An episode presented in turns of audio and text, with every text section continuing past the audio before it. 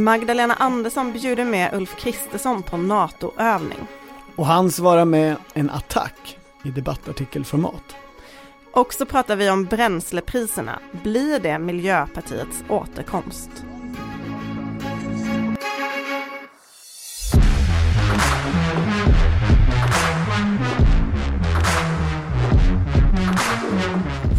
Det här är politiken med, eh, vad heter de nu? Annie Reuterskiöld, Margit Strömberg och, och Torbjörn Nilsson. Maggie, jag har tänkt så mycket på Magdalena Ribbing senaste veckan. Mm, vett och etikettexperten. Exakt. Också tidigare politikreporter på Dagens mm. Nyheter. Ja, hon hade ju den unika kombinationen av att vara mångårig eh, politikreporter och som sen blev vett och etikettexpert. Mm. Det är inte, vett och etikett är inte det första man tänker när man ser gänget i riksdagsjournalisterna. Men, nej, det var kanske taskigt sagt. Men jag, jag tänkte att du skulle inte... säga politikerna i riksdagen. Ja, det är också en gång konsulterade vi Magdalena Ribbing eh, på tidningen Fokus när vi jobbade där. När, eh, Gjorde vi? Mm, det var eh, när Annie Lööf i sitt Almedalstal bjöd in till Maramö. Och eh, de andra i alliansen blev skitsura och inte svarade på inbjudan. Då frågade vi Magdalena Ribbing eh, vem som hade brutit mot etiketten. Och det visade sig att alla hade gjort det för att en eh, inbjudan till en viktig tillställning ska vara skriftlig. Okay. Och det ska finnas ett OSA-datum datum på det och det, fanns det, hade inte Annie Lööf gjort. Det hade man missat. Mm. Men om man inte har gjort det då, om den som bjuder in har gjort fel så är allmän praxis att man ska svara inom en vecka. Och det gjorde inte de andra, det tog ju flera, det tog ju hela sommaren innan de svarade. Just det. Ja, det, det är ungefär av det skälet jag tänkt på Magdalena Ribbing faktiskt, just med inbjudningar och så. Eh, för förra veckan så bjöd ju statsministern med oppositionsledaren på en resa och exakt när den här inbjudan skedde är, lite oklart, men det var någon gång i onsdags, torsdags, tror vi. Och, och det här var ju en resa till Norge, till Narvik, där det pågår en jättelik militärövning som heter Cold Response. En NATO-övning? Ja, militärerna vill inte att vi använder det ordet. Det har alla journalister använt och det är de väldigt sura över. Utan det är en norsk militärövning tillsammans med NATO. Okej. Okay.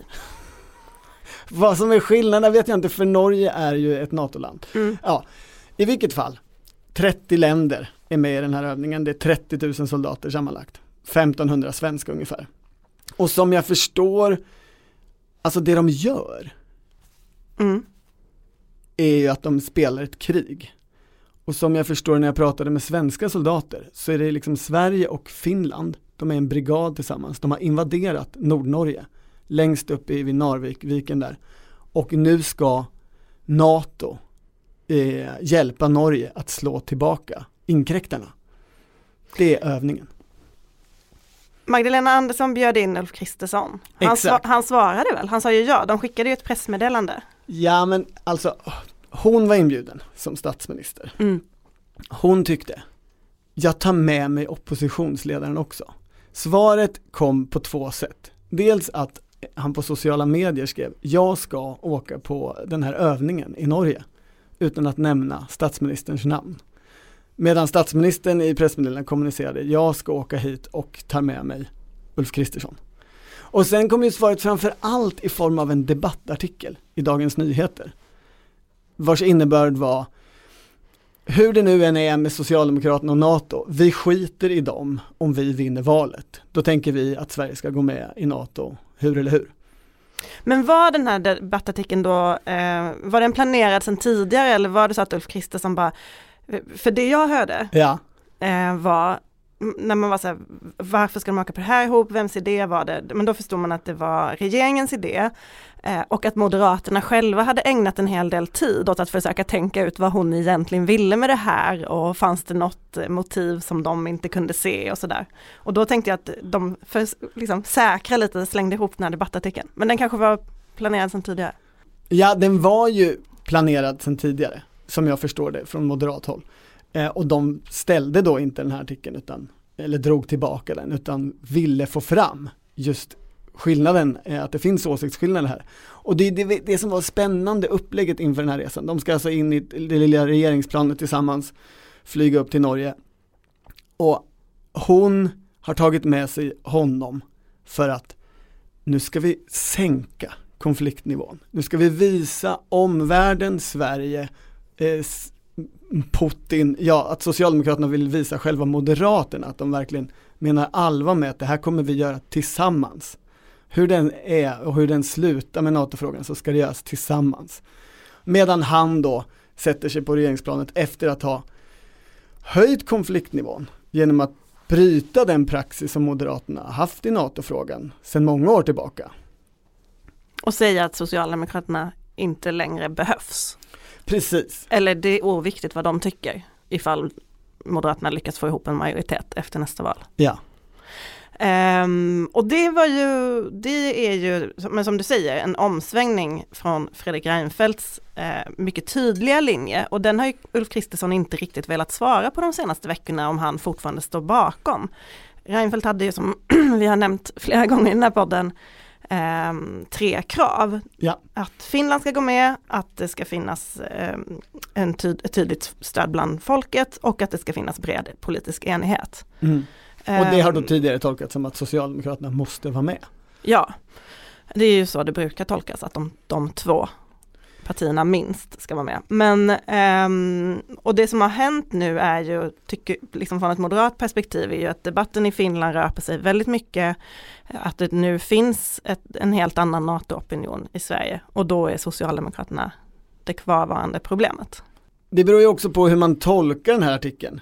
Det, det är ju en fråga här som där Moderaterna kan sätta sig i ett ganska jobbigt läge.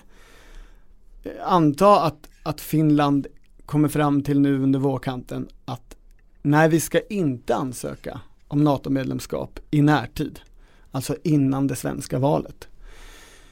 Då har ju han ett vallöfte nu som är att får han bara fram en svensk majoritet som då i sådana fall skulle komma fram genom att Sverigedemokraterna anpassar sig till Moderaterna och eh, ändrar sig och, och blir för ett svenskt NATO-medlemskap. Då ska han då driva att Sverige ska gå med i NATO utan att Finland eh, gör det. Ja, det där var inte så tydligt i själva debattartikeln, men jag har sett flera personer ställa frågor om det sen i sociala medier och att eh, presschefen då har sagt att ja, så är det. Alltså man tänker inte ge varken Finland eller Sverige, eller förlåt, Socialdemokraterna. Det var inte en Freudian slip. eh, man kommer varken ge Finland eller Socialdemokraterna veto. Och det man skulle ju kunna tänka sig att även då Reinfeldts tredje punkt skulle förändras till efter valet. Alltså det har ju varit en väldigt plötslig svängning i NATO-opinionen. Mm. Tänk om den, tänk om läget lugnar ner sig lite, folk känner att nej men det kanske inte är den stora tryggheten och så vänder opinionen tillbaka. Då har ju Ulf Kristersson eh, många problem, eller då har han liksom, då, Då var det inte riktigt hans väg. Men man kan ju också tänka sig att det han försöker göra här, alltså i liksom diskussionen kring Finland, man kan väl tänka sig att han inte alls är särskilt intresserad av att gå med utan Finland, utan att det här handlar om att också påverka den finska debatten.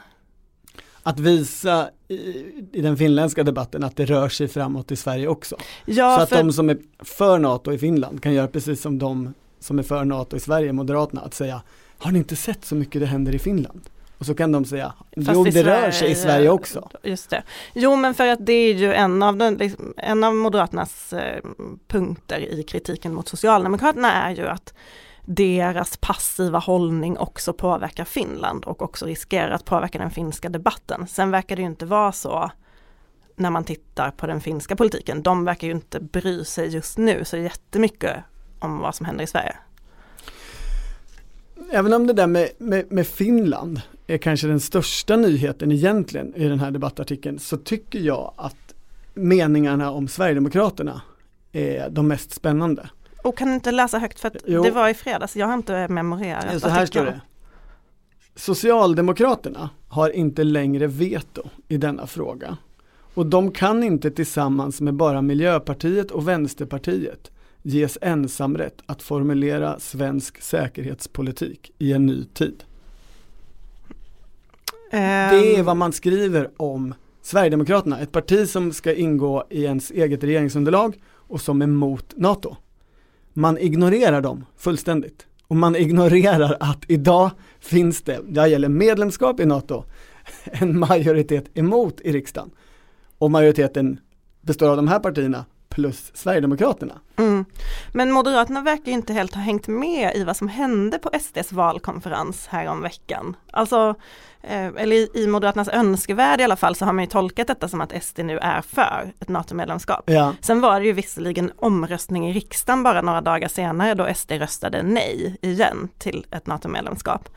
Um, och det, som, det beslut som faktiskt togs på, på SDs valkonferens var ju någon slags öppet mandat till partiledningen. Partiet gav partiledningen möjlighet att själv avgöra om läget blir sämre eller om Finland ändrar sin position. Ja. Men om man tittade på, på det underlag som partiledningen gav till partiet i liksom det som slutade med den där lilla beslutspunkten så var det ju bara en lång lista på anledningar till att inte gå med i NATO och en väldigt tydlig formulering om att eh, utgångspunkten enligt Sverigedemokraternas verkställande utskott även fortsättningsvis är att Sverige behåller sin militära alliansfrihet och självständiga säkerhetspolitik. Och det där kanske man kan tolka som att ja, men det här är en känslig fråga i partiet och nu liksom gör man så här och sen så fattar man det där beslutet och så det är ett sätt att hantera den interna eh, situationen. Men jag tror egentligen att Sverigedemokraternas ledning ganska liksom passionerat är för den svenska alliansfriheten. Jag tycker det låter så när man pratar med dem. Sen är de också eh, utifrån det säkerhetspolitiska läget rädda att det kanske ändå är fel väg. Ja och då blir det ju spännande att i debattartikeln så äh, låtsas de som att Sverigedemokraterna har ändrat sig. Eller utgår från att de kommer att ändra sig. Och tänker sig i sista lösningen om Socialdemokraterna förlorar valet att någon slags regeringsförhandling om regeringsunderlagsstöd där Sverigedemokraterna måste anpassa sig till den moderata linjen. För det har ju Ulf Kristersson nu lovat svenska folket. Ja, och det får man väl säga att det har ju Sverigedemokraterna gjort steg för steg. De har ju flyttat sig närmare Sverigedemokraterna i de här frågorna och det är ju ett problem för Sverigedemokraterna att Moderaterna har så lågt förtroende för dem när det gäller just utrikespolitiken, synen på internationella samarbeten. Det här är ju egentligen ett liksom mycket större grundläggande problem i den relationen än synen på socialförsäkringssystemet. Men det är ju ändå intressant att Ulf Kristersson som så med sån emfas ganska länge har hävdat att Sverigedemokraterna inte ska få inflytande över säkerhetspolitiken. Nu ger de det totala inflytandet. Potentiellt. Om inte Socialdemokraterna ändrar sig innan dess. Och det är väl kanske det han då också gambla på att Finland kommer ändra sig inom en månad eller två. Då kommer också Socialdemokraterna ändra sig inom två månader eller tre. Och då kan jag stå här och säga ni skulle lyssnat på mig. Jag var först. Jag hade rätt åsikt som alla nu har tidigt och jag har drivit den länge. Men alla vet ju att Liberalerna var först. Men, nej men, nej men absolut, ehm, det, det, det, finns ju många, vad ska man säga, det finns ju många eh, målgrupper för den här texten. Det är ju många Ulf Kristersson vill påverka på samma gång här. Ja, kanske vill han också påverka Carl Bildt. Eh, Carl Bildt, jag vet inte om jag har hört det, men han var ju i, i P3 häromdagen. Mm. Moderaternas förra partiledare, statsminister, utrikesminister. Japp. Jag vet inte om man behöver en presentation. Själva Moderaterna ja. i någon mening. Mm. Eh, ja, det roliga var ju dels att han var i P3, eh, för han svor hela tiden. Danmark och Norge gick med i NATO. Därför de hade en obehaglig eller en mindre bra erfarenhet av neutralitetspolitiken. Hitler hade gett fan i det och ockuperat dem i alla fall. Och då blir han förbannad, förlåt, då tar han detta som intäkt för, men det är ju han själv som har orsakat detta. Så han har missat det där med att P3 har gjort om målgruppen, att den inte längre riktar sig bara till unga utan till alla som är, ja, ja. han gjorde fel. Ja. ja, ja. Mm. Mm. Eh, men sen sa han ju också intressanta eh, eh, saker i, i själva sakfrågan. Alltså, eh, där han menar att alla stora partier i Sverige ska vara eniga om steget och att det ska vara i både Sverige och i Finland. Hur definierar han stort parti, sa han det? Nej det gjorde han inte men eh, ingenting kom fram som, som tydde på att han inte räknade med Socialdemokraterna där. så här går ju Carl Bildt på tvärs med, med Kristersson. Jag menar mer räkna med SD också, alltså är det över eller under 20 Eh, Om SD sa han så här, jag följer inte SD så noga. Och det är kanske privilegiet att befinna sig lite en bit ifrån dagspolitiken. Ja, var, Att, att kunna ha den hållningen mot Sverigedemokraterna. det var exakt min känsla, unnigt att kunna ja, lägga sig Ja. med den stilen. Mm. Men här har ju, så att frågan är i vilken grad också hela Moderaterna är, är med på, på den här omsvängningen. Och någonstans, Men vad sa han då? jo men det Carl Bildt sa var han, att han fick en fråga om, om det borde folkomröstas om det här och då sa han Nej, det tror jag inte. Det har vi diskuterat tidigare, det har man diskuterat i Finland också. Nu har man kommit på att i detta läge kan en folkomröstning vara farlig för den kan öppna för alla möjliga typer av inblandning av utländsk makt. Va? Men man måste ju för att göra ett sådant steg så måste vi ha en mycket stor parlamentarisk majoritet. Då ställer han sig egentligen på samma sida som SD. Alltså, alltså det var ju också SDs reaktion på Moderaternas debattartikel. Att eh, de tycker att, att eh, en, en sån här bedömning måste göras med bred politisk samsyn. Svarade de. De avfärdade ju faktiskt idén att Socialdemokraterna inte ska vara med. ja, Ehm, och på samma sätt var ju Ann Lindes eh, kommentar var ju också att hon, hon var lite skarpare, hon sa att hon beklagar att en partiledare som gör anspråk på statsministerposten tydligen har en annan inställning och behandlar grundläggande frågor om svenska folkets säkerhet på det här sättet.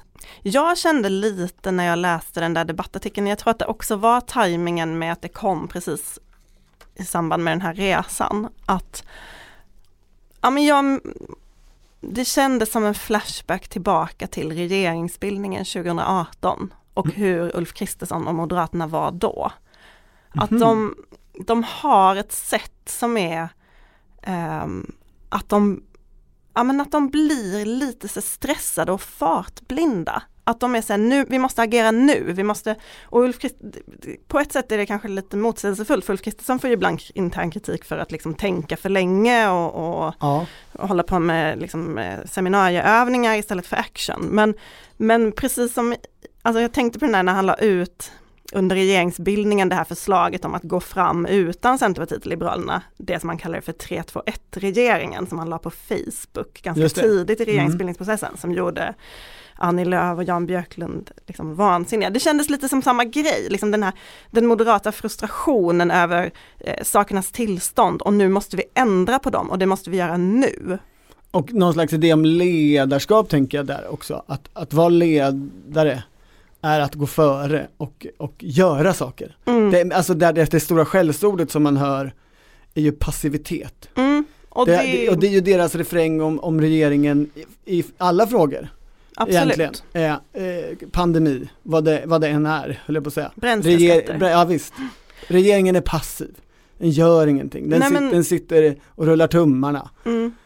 Nej men så är det ju och det finns ju också en frustration tänker jag hos Moderaterna som handlar väldigt mycket om det där att man att Socialdemokraterna säger nej och sen ändrar de sig plötsligt och så får de liksom aldrig skit för det tycker Moderaterna. De gynnas hela tiden av det. Och lite den här bilden av att vad, vad de än gör så vinner ändå Socialdemokraterna i slutändan. De får regeringsmakten, de bestämmer över NATO-frågan.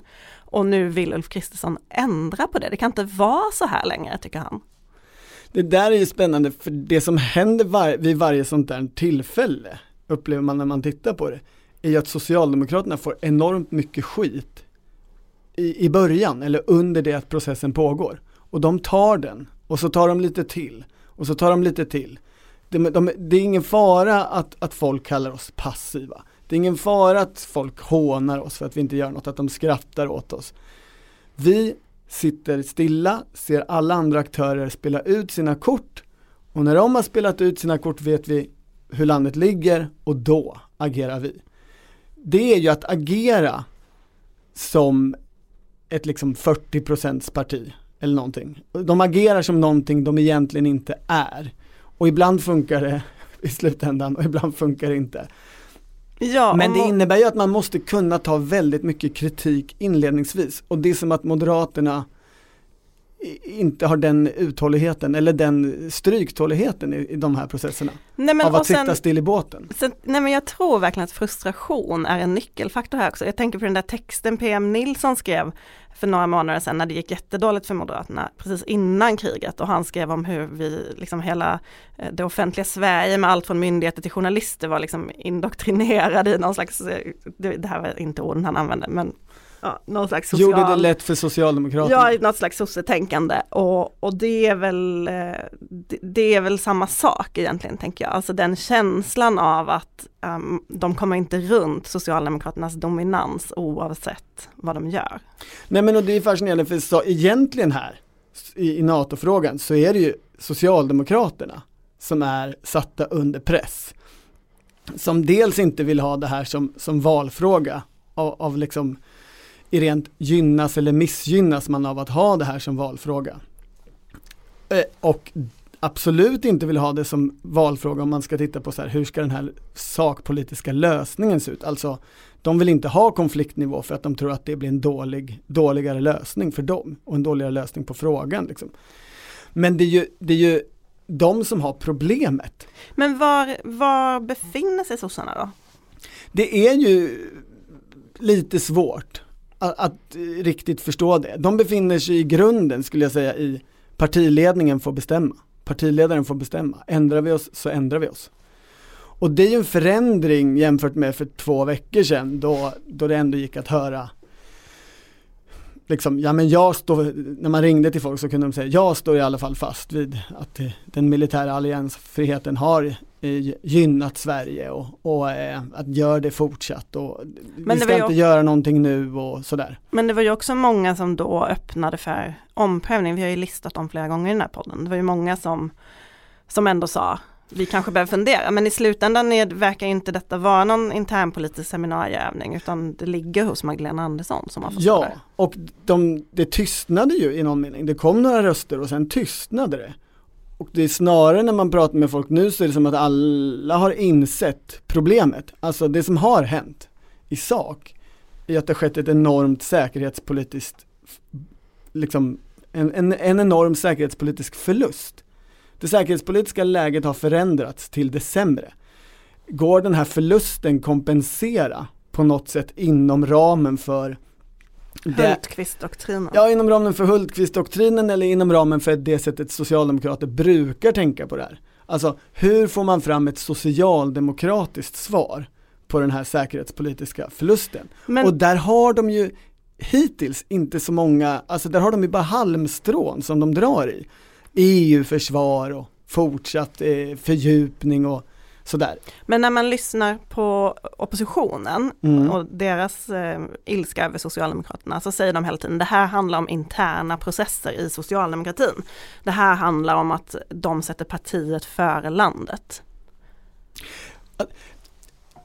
Så uppfattar man inte, jag, jag, skulle kunna, tycker inte jag när jag pratar med socialdemokrater. Det som däremot finns är ju en intern hotbild. Alltså de som fortfarande är väldigt mot NATO i Socialdemokraterna, en, en krympande krets på många sätt. Men de är ju människor, som en person uttryckte det, eh, en annan person då, som sa så här, en annan socialdemokrat, ja alltså de har ju inte så mycket makt. Det är ju inte direkt som att någon av dem är ordförande i ett stort distrikt i Sedutte.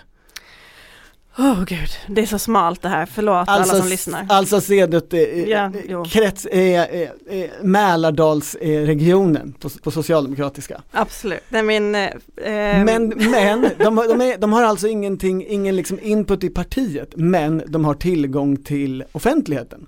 Ja, för det var precis det jag skulle säga, även om de inte sitter på några eh, tunga ordförandeposter så är det ju personer som känner varenda debattredaktör eller har liksom fri plattform på kultursidorna och kan ju dra igång en intern debatt. Det kanske finns en oro för det Socialdemokraterna, alltså där kanske oppositionen har rätt. Ja, för tänk om då Finland ändrar sig om en eller två månader och sen ändrar sig Socialdemokraterna i Sverige om två eller tre månader.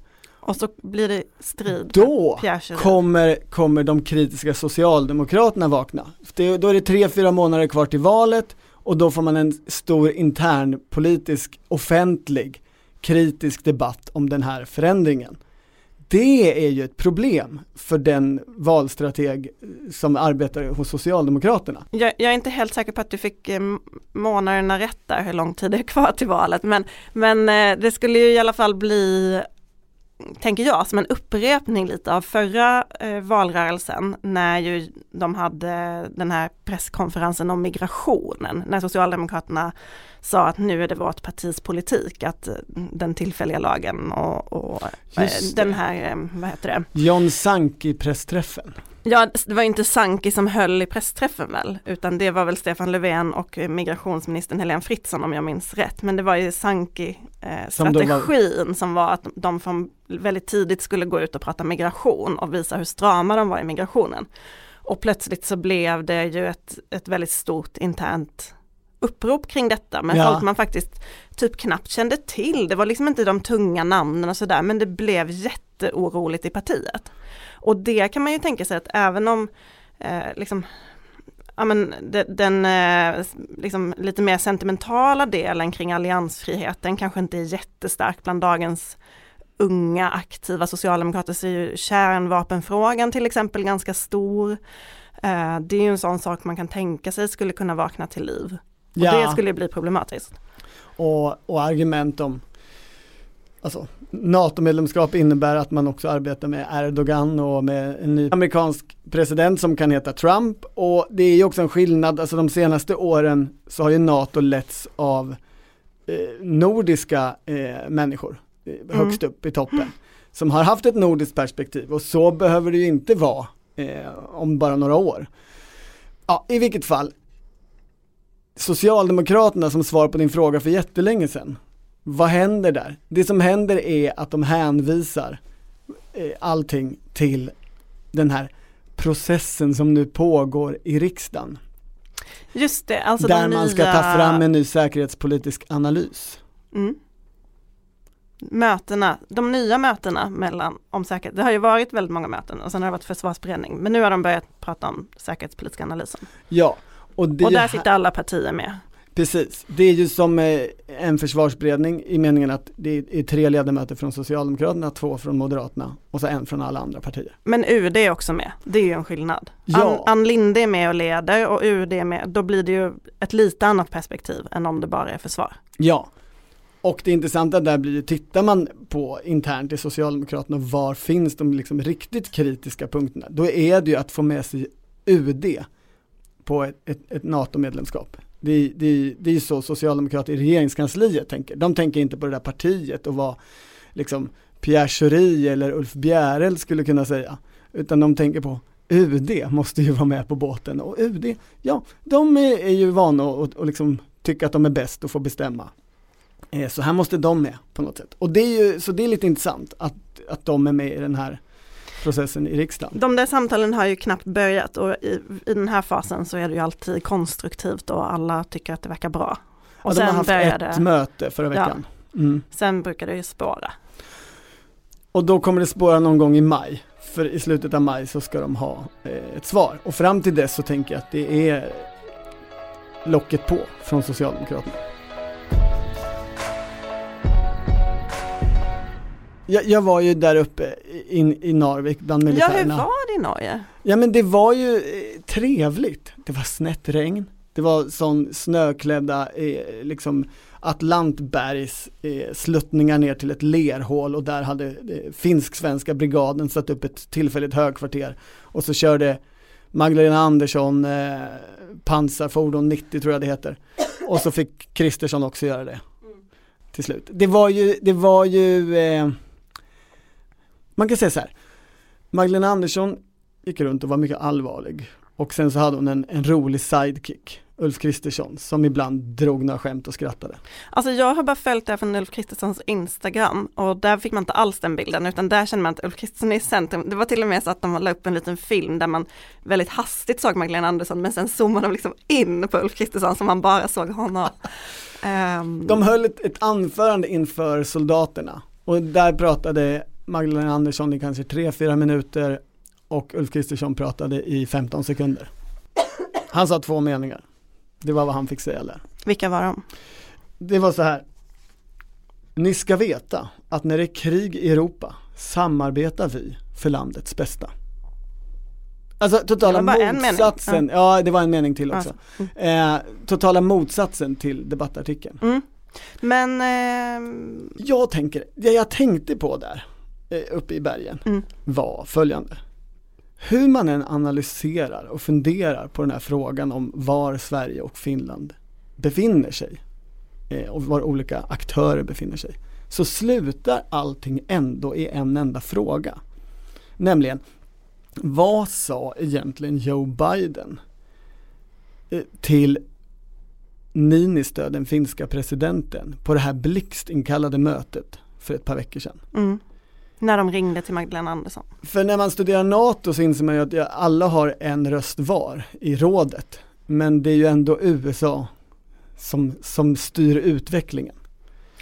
Ett scenario som man inte har pratat så mycket om skulle ju vara att, att USA gör bedömningen, eller NATO gör bedömningen, men kanske framförallt USA, att det är för osäkert att Finland och Sverige går med i NATO och därför också har bett Sverige och Finland att inte göra det.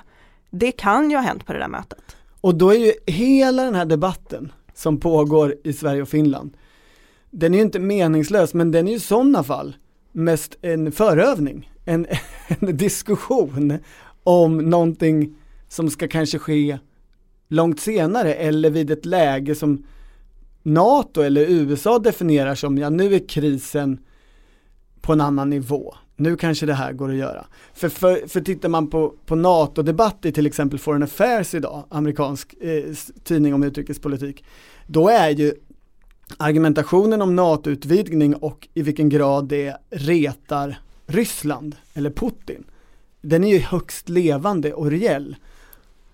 Samtidigt kan man ju se att, alltså det här är ju bara en spekulation, vi vet ju inte vad de sa till varandra, men, men jag tänker, vår ledarsida intervjuar ju NATO-utredarna just nu, två stora intervjuer med de två senaste utredningarna.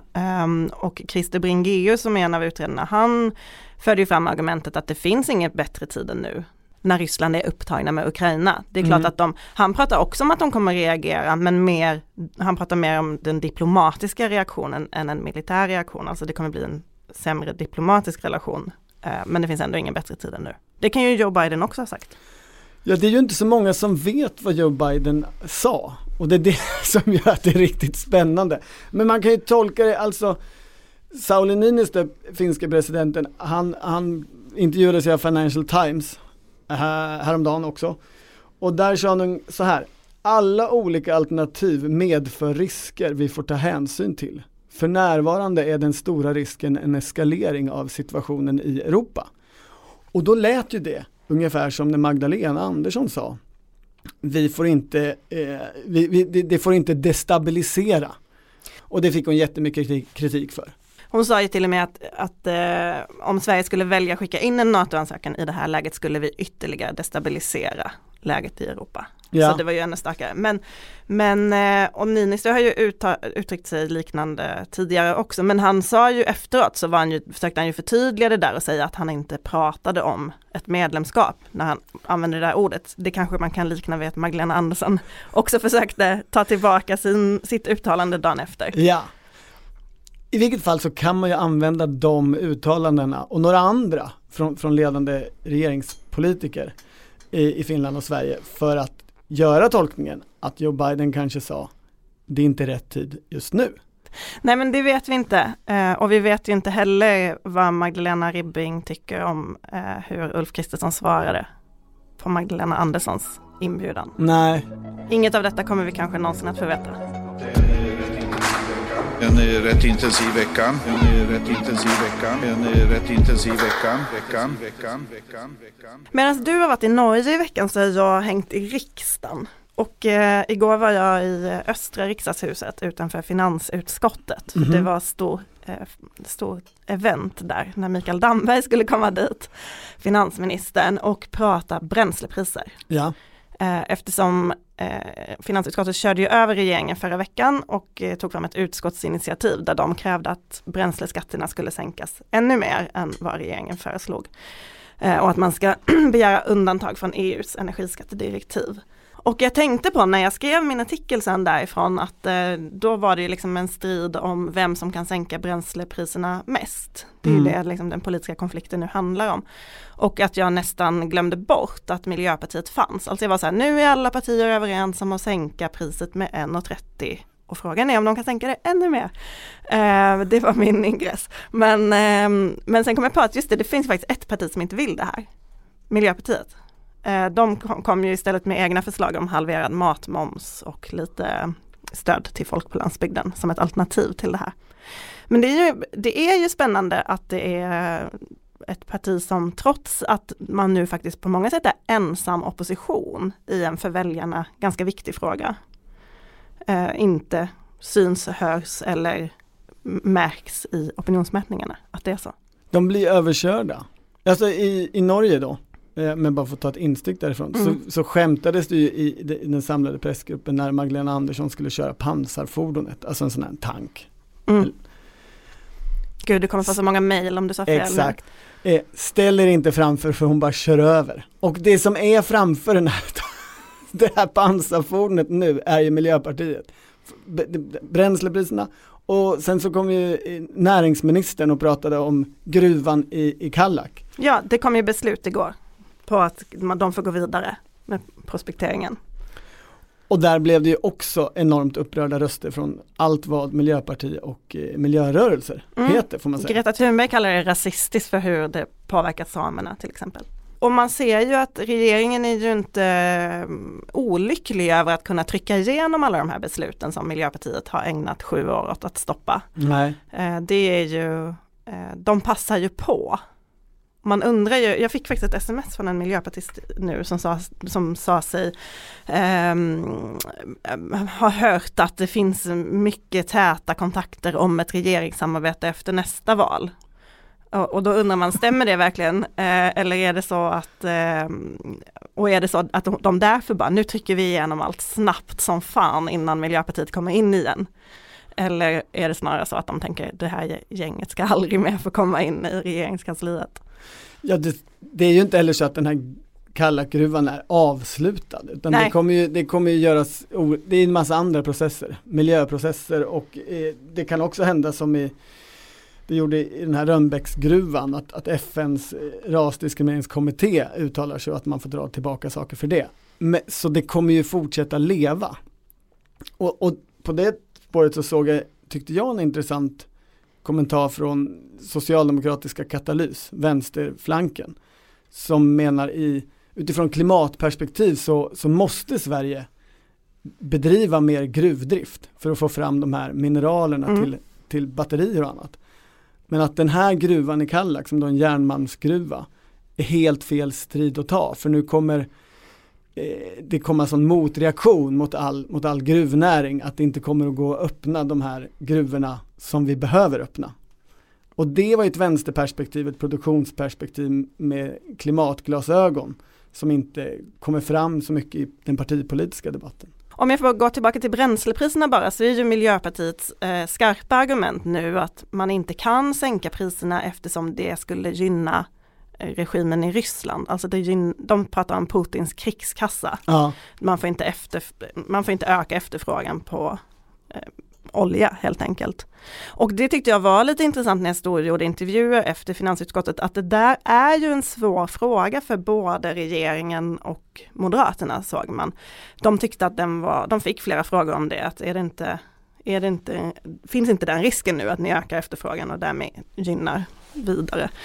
Um, och de hade svårt att prata om den där, de var, det är ett dilemma, det är en balansgång och eh, Damberg sa att han tror inte att stödet för sanktionerna kommer hålla i sig om folk inte kommer kunna köra sina bilar till exempel. Ja. Um, men det är ju, ja. Men på det där är spännande för här hänger ju de frågorna ihop med den stora säkerhetspolitiska läget egentligen. Alltså för ett halvår sedan så satt vi i den här podden och pratade enormt mycket om strandskydd och om skogsfrågor. Hur mycket ska man få avverka i skogen och sådana saker. Och det är ju i någon mening helt borta nu. Samtidigt så är det ju exakt den typen av konflikter som upptar nästan all politisk energi i alla frågor, nämligen striden om, den hårdnande striden om naturresurser. hur ska Tyskland förhålla sig till Ryssland och hur ska de liksom bli fria från sitt gasberoende? Eh, plötsligt när Ukraina inte kan, när de ukrainska bönderna nu inte kan börja vårså vete, så inser alla att det kommer bli vetebrist i hela Europa. Ja, då måste, ska det kompenseras av då de andra bönderna i typ Sverige och andra länder. Men de kan ju typ inte så, för det är för dyrt med diesel. Så det, det lönar sig inte för dem att så. Så då ska vi ha matbrist plötsligt. I, alltså det är ju, allt kopplar ju tillbaka på ett sätt som det inte har gjort på många år. Ner till grundläggande basala frågor om människans relation till naturen. Och det är samma som skog och strand tänker du? Och allt det här stora kokar ju egentligen ner i alla frågor till människans relation till naturen. Det du sa. Var finns Miljöpartiet?